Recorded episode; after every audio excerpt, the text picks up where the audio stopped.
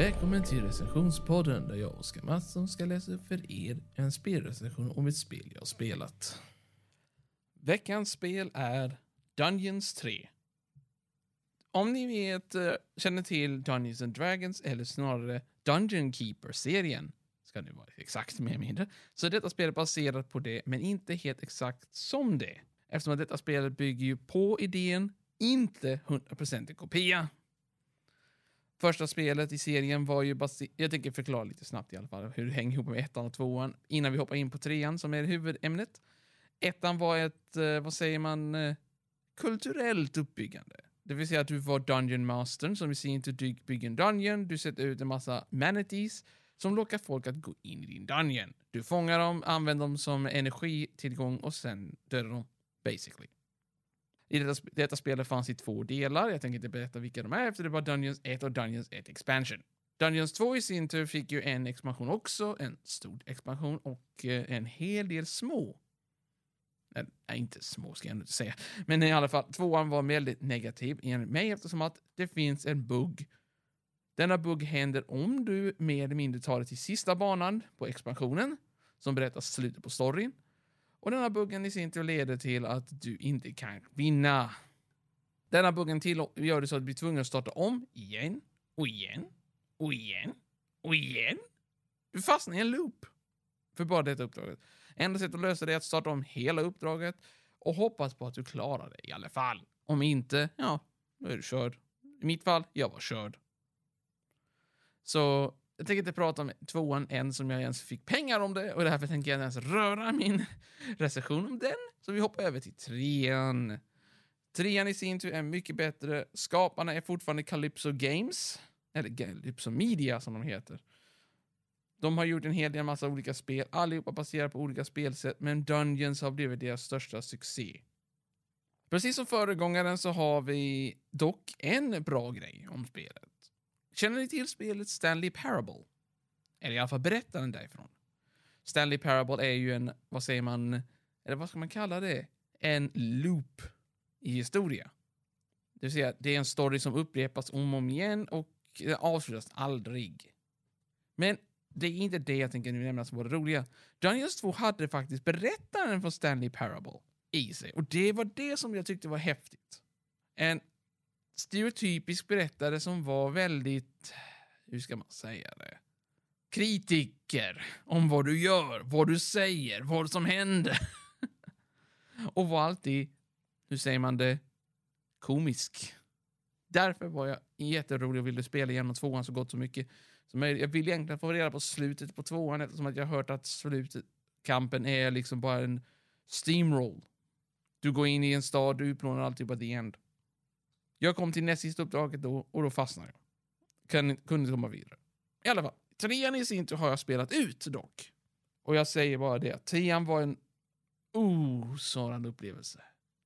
Storyn är ju ungefär att den fortsätter vad tvåan slutade. Men eh, den börjar med att ni lyssnare kommer vara Dungeon Lorden fortfarande, men ni kommer inte spela som Dungeon Lorden längre. Istället så kommer ni få spela som, eh, vad säger man, hans, henne, hans högra hand. The Dungeon Lords högra hand. Framtida högra hand, men nuvarande tjänare.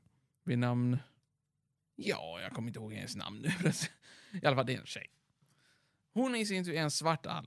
Denna svart alv har medför ondska inom sig och har blivit nedtryckt av sin far, som är en paladin.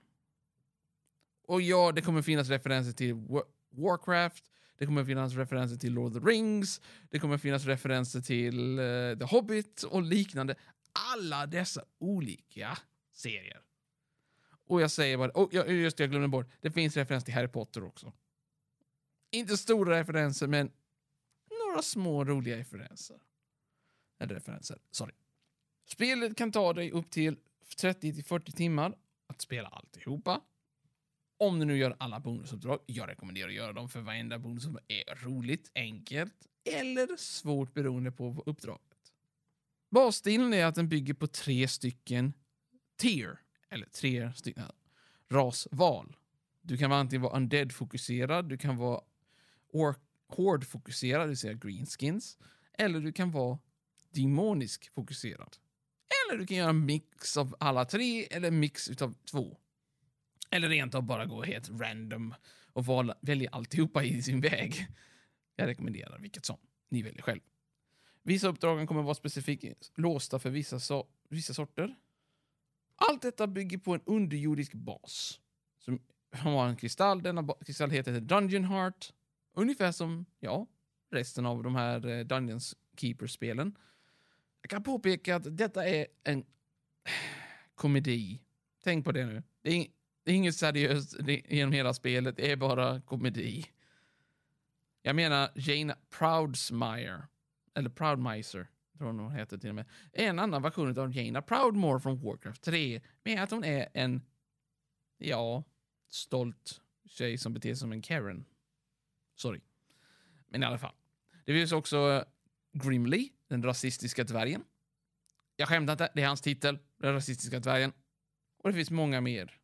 Många mer kända personer. Och allt detta är att du ska vara ondskan, du ska erövra denna värld, den nya kontinenten och liknande. Det, kommer också, det finns också flera stycken äh, DLC eller tilläggs-DLC du kan skaffa som innehåller små stories. Ingen av dessa är viktiga, men eh, om ni gjort allihopa får ni den hela storyn till spelet. Det går att spela kooperativt, vilket jag tycker är ganska häftigt egentligen för ett sånt här spel.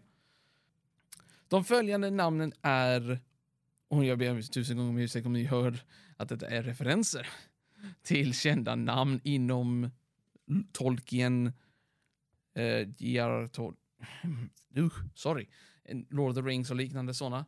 Men det är skämtmässigt, så tänk så här. Once upon a time är första expansionen. Lord of the Kings, andra recensionen. Eller andra DLCn. Evil of the Caribbean. Ni hör vad jag menar. Clash of the Gods. The Unexpected DLC. Ja, um, jag vet inte vad jag ska säga. Jag menar att de här låter allihopa som referenser. Det finns en till som heter Nevermore eller något liknande. Jag kommer inte ihåg riktigt. Det är den sista DLCn de gjorde till detta spelet och jag rekommenderar allihopa. Storyna är otroliga, känslan i dem är komiska och jag föredrar egentligen Evil of the Caribbean och Once upon a time eftersom att dessa två är komiska namn val. Once upon a time bygger på att du ska slåss mot en elva och inte vilken elva som helst utan fuck, ursäkta om jag tänkte säga svordom, den, den fruktansvärda helt magnifike och ändå brutale önskefen. ja, ni hör vad jag menar. Önskefen är din fiende! Clash of the Gods möter du ondskan versus gudinnan av ljuset. Det finns också andra saker som finns att man kan spela. Man kan spela multiplayer mot varandra. Rekommendation nej. I mitt fall. Men om ni är en sån som gillar att slåss mot varandra eller spela med varandra, mot varandra i en fight rekommendation. För mig kan man spela detta med, om man inte gör alla DLC och liknande, 15 till 20 timmar för varje liten expansion.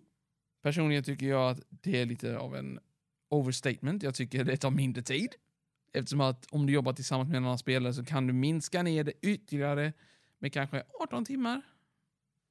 Eftersom att du får inte så mycket jobb att hålla reda på och ni jobbar tillsammans, därmed vinner ni bägge två thumbs up. Mitt betyg på detta spel är... Ja, det skulle varit 8 av 10, men jag tänker personligen att jag höjer detta till 8 av 8,5 av 10 eftersom att jag tyckte storyns slut var en väldigt bra satyrbild på, eller satyrisk bild på hur ett spel ska sluta. Det slutar ju med att, hmm, men vad kan komma här i framtiden? Vad är framtiden att ge? Och sen, det var allt. Vi trodde att spelet slutade där, det kom inget mer. Jag tänker inte säga att det finns en fjärde, men faktiskt. För några månader sen så kom Dungeons 4 ut. Jag kanske gör en recension. Kanske. Jag har inte spelat ut det än, så jag kan inte lova. Men jag kan säga i alla fall, Dungeons 3. En stark tumme upp. Eller om jag skulle ge den tummar så skulle jag ge den fem tummar i det här fallet. Rekommendation 100%. Är det på rea, köp allting. Är det inte på rea, tänk efter, men chansa om ni vill se en episk berättelse om ondska. Men i alla fall, tack för mig. Hej då!